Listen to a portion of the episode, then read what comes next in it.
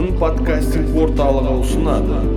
Ержан мырзабаевтың психолог пен шай подкасты.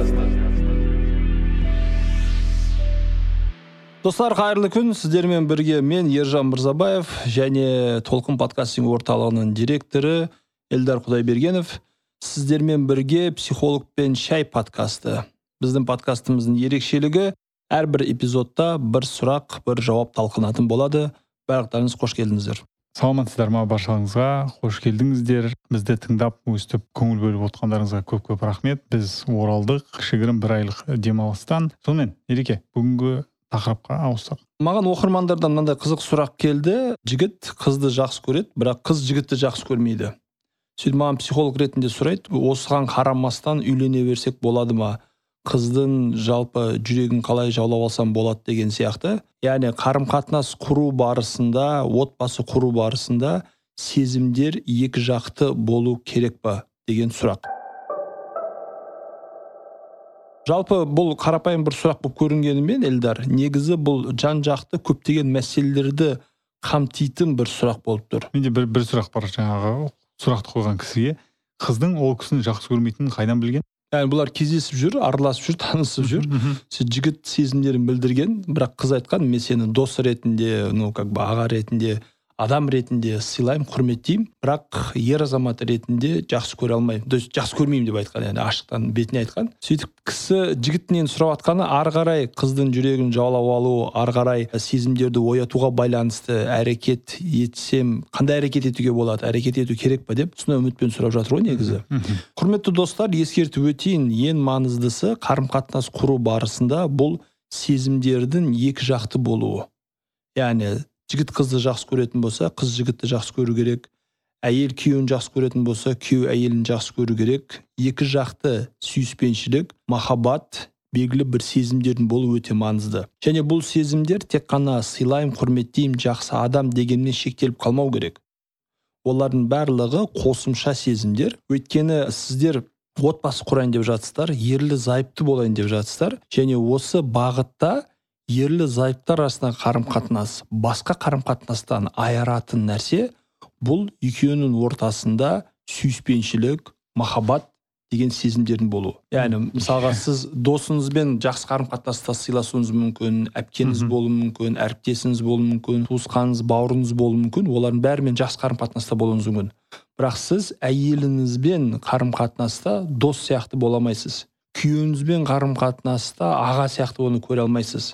Сондықтан бұл жердегі сезімдердің эмоциялардың ерекшелігі өте маңызды. Енді осындай жағдай болып қалды. Жалпы оқырманымызға не айтамыз? Яғни қыз мені жақсы көрмейді не істеу керек? Ол жерде қарым қатынасты тоқтата салу керек. То есть бір жақты сүю бұл ауру болып табылады. Және сіз қазір қыздың артынан жүгіріп түрлі сыйлықтар жасап түрлі амалдар істеп көңілін алуға тырысып бақсаңыз да белгілі бір уақыттан кейін ол сізге иә дегеннің өзінде бұл сізді жақсы көргеннен емес өкінішке орай сізге жаны ашығаннан болады. Және жан ашып құрылған отбасылар жан ашып құрылған қарым қатынастар өкінішке орай ұзаққа бармайды. Жалпы отбасылық өмірде әрдайым қиналатын боласыз. Менде мынандай кейстер болған. Қыз бен жігіт үйленген сөйтіп бір баласы бар. Үш жылдан кейін қыз айтады ажырасамын дейді. Жігіт айтады неге ажырасамыз? десе ну сен мені мен үйленген кезде сені жақсы көрмедім бірақ сен маған мен сенің көңіліңді жаулап аламын көңілінен шығам сезімдерді оятам өзімді сүйдірем дедің. Үш жыл өтті бір баламыз бар мен әлі сені ер кісі ретінде жігіт ретінде әлі жақсы көре алмадым. Поэтому осы жерден қоя салайық деген. бұл шынымен де бір өте терең бір сұрақты ашып тұр негізі ше. Сонда демек екі адамның арасында таза екі жақ махаббат деп санайтын сезім болмаса тұрмыс құрмау керек үйленбеу керек күйеуге шықпау керек. Иә ары қарай жалғастыру тек қана таза махаббат бар жерде ғана осындай маңызды қадамдар жасауға болады. Иә ол екі жақты. Және бір қызығы эмоция сезім деген нәрселер бұлар рационалды әрекеттерге қандай да бір логикаға берілетін нәрсе емес. То есть просто какой то бір жүректе тік искра пайда болады. Болса болды болмаса болмады. Иә иә иә. Яғни ешкім жақсы көрмейтін қызды сіз жақсы көруіңіз мүмкін ешкім жақсы көрмейтін назар аудармайтын жігітті бір қыз жақсы көруі мүмкін яғни сүйіспеншілік екі жақты мынау искра мәселесі өкінішке орай қазіргі таңда даже ғылымның өзі оны түсіндіре алмай жатыр не ол махаббат деген қалай біреу біреуді жақсы көреді біреуді жақсы көрмейді один и тот же әрекеттер жасай отырып біреуге сіз ұнауыңыз мүмкін бірақ тура сол әрекеттермен басқа бір әйелге басқа бір қызға жігітке сіз ұнамауыңыз мүмкін мхм демек бұл жерде яғни нақты қандай қадамдар жасасам болады деген нәрсе жоқ обычно қалай болады қыз бен жігіт танысады сөйтіп белгілі бір уақыт қарым қатынас құрады жүреді араласады там киноға барады паркқа барады ресторанға барады бір біріне сыйлықтар жасайды жылы сөздер айтады әңгімелеседі сөйтіп бұл бір ай екі ай үш ай уақыт жалғасуы мүмкін примерно сол уақыт аралығында сезім оянды ма оянбады ма соған қарау керек мхм егер сол уақыт аралығында екі тараптан да сезім оянбаған болса демек сіздер бір біріңізге келмейсіздер ары қарай мен бұл қызды добиваться етемін ары қарай мен бұл жігітті добиваться етемін жоқ мені өзімді міндетті түрде сүйдіремін деу бұл психологиялық тұрғыдан өте үлкен жүк яғни өмір бойы бір адамға ұнауға тырысу өте ауыр нәрсе иә өзіңмен өзіңмен өзің бола алмау иә естественный бола алмау жақын адаммен өте қиын Иә. Иә. және яғни сіз бұл жұмысқа тұрайын деп жатқан жоқсыз мысалға жұмысқа тұрайын деп жатқан кезде интервьюда сіз бастыққа ұнауға тырысасыз. Өзіңіздің тек қана жақсы қасиеттерін көрсетуге тырысасыз. Бастықтың құлағына жағымды сөздер айтуға тырысасыз. Не үшін? Жұмысқа тұрам ақша табам істеймін. Және бұл жұмыс қой дейсіз да мысалы тоғыздан алтыға дейін понедельник там дүйсенбі жұма аралығында дейін дейсіз да мысалы қалған уақыттарда мен бастық көрейін дейсіз. Бірақ отбасы қарым қатынас ондай емес. Яғни сіз жеті жиырма төрт өзіңізді біреуге ұнатуға тырысумен өмір сүре алмайсыз. Және отбасы құрудағы яғни мына махаббат сүйіспеншілік сезімдері не үшін керек? Бұл сезімдер адамды бар болмысымен қабылдауға көмектеседі. Как, она есть Иә. иә мен сені жақсы көремін және сенің артықшылықтарыңды да кемшіліктеріңді де қабылдаймын. Өйткені егер басынан бастап сол сүйіспеншілік махаббаттың арқасында қабылдау болмаса ертең отбасылық өмірде пайда болатын проблемаларда үлкен конфликттерге айналады. Және әрдайым қыздың немесе жігіттің көңілі назары сыртта болады. Yani постоянно басқа бір сезім іздеу басқа бір махаббат іздеу деген сияқты. Сол үшін бұл жерде біздің оқырмандарымыздың екі тараптағы ситуациядағы да адамдарға айтқым келеді. Егер сіз жақсы көресіз бірақ сізді жақсы көрмейтін болса оны қабылдап қарым қатынас сол жерде қоя салу керек. Егер сіз жақсы көрмейсіз бірақ сізді жақсы көретін болса артыңыздан қыз немесе жігіт жүгіріп жүрген болса оны сыпайы түрде айту керек.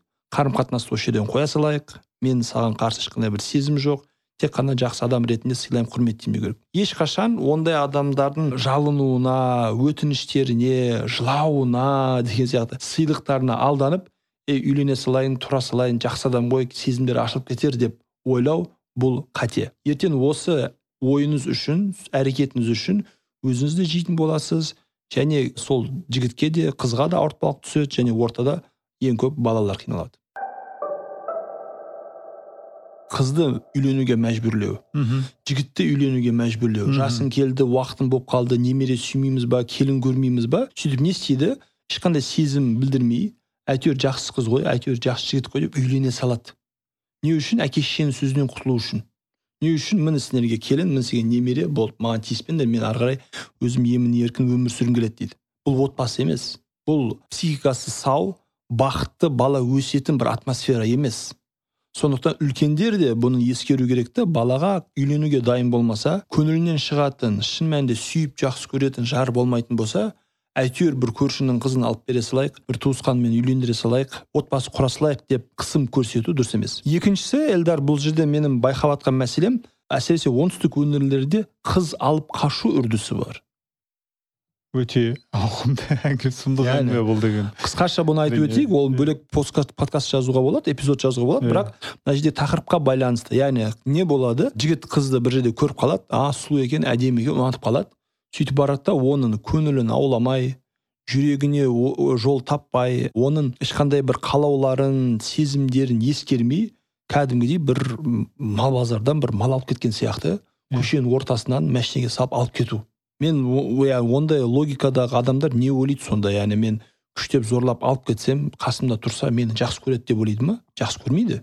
Жақсы көрдіремін деп ойлай ма? может сондай. Жақсы көрдіремін деп ойлайды ма? амал жоқ ол әйтеуір жерде ол жерде мынандай бүйтіп логиканың бір түрі мынандай сияқты. біздің ата бабаларымыз сөйтіп өмір сүріп жатыр ғой. міне мені апамды алып қашқан там мамамды алып қашқан тағы біреуді алып қашқан көрші алып қашып жатыр тоже нормально тұрып жатыр. енді мен де сондай жақсы болып кетемін деп ойлайтын шығармын. Алып қашу ситуациясында ешкім нормально өмір сүрмейді. Бәрібір ол жерде иә біз сыртын көреміз әдемі болып көрінуі мүмкін бірақ оның ішінде не болып жатқаны бір құдайға мәлім. Яғни тұрып жатыр ғой бірге ғой там деген это не показатель бір көрсеткіш емес. Тұрып жатыр қалай тұрып жатыр балдар үшін амал жоқтан қиналғаннан әсіресе мына жерде мысалға төсек қарым қатынасынан жағынан қарайтын болсақ әйел үшін психологиялық тұрғыдан эмоционалды сезім сезбейтін жақындық көрмейтін жылу көрмейтін ешқандай бір сезімдер болмаған кісімен бірге болу өте ауыр нәрсе. Өте қиын нәрсе. Және бұны да ер кісі белгілі уақыттан кейін сезеді әрдайым.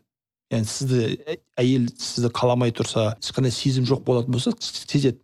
Сол үшін яғни мынау қызды алып қаша саламын алып қашып үйлене саламын әйтеуір мәжбүрлеп бірге тұра берейік бір нәрсе бір мәнісі болып кетер деген нәрседен ондай бір ойдан ондай бір санадан арылуымыз керек. Бұл қазіргі таңда біздің қоғамда біздің отбасылық институтқа өте қатты кері әсерін тигізіп жатқан нәрселер.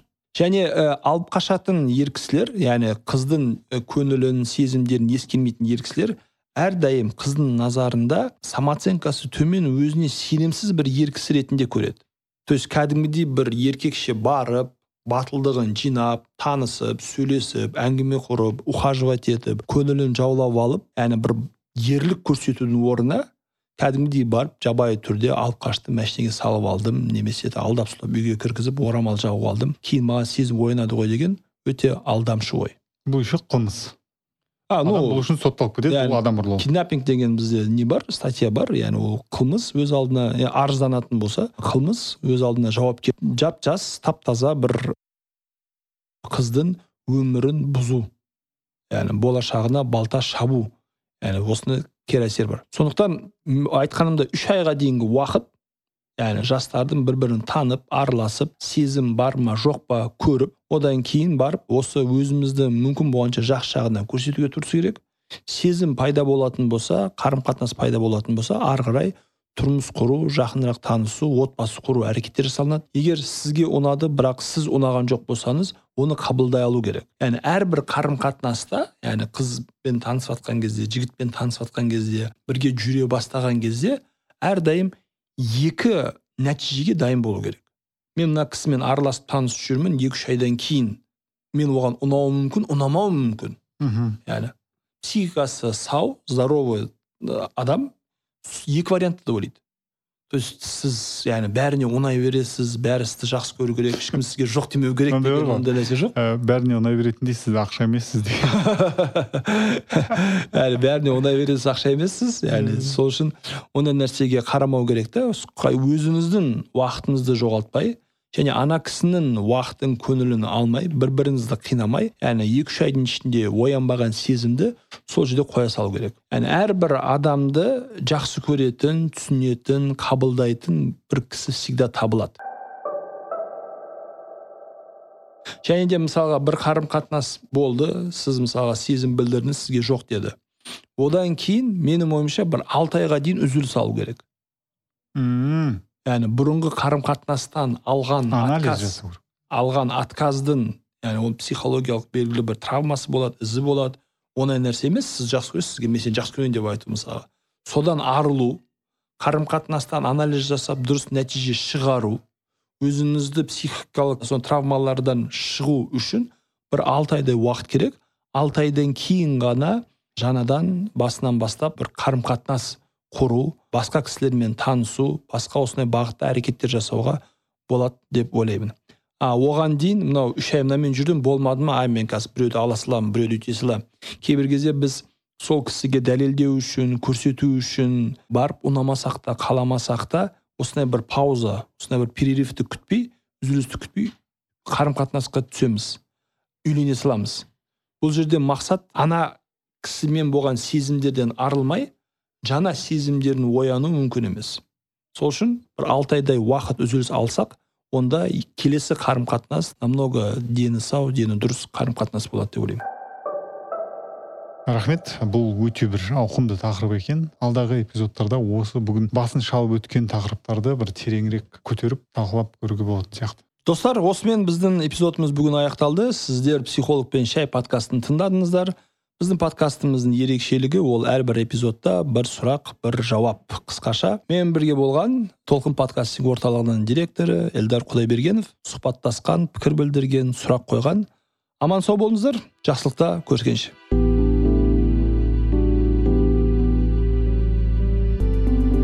Толқын подкастинг орталығы.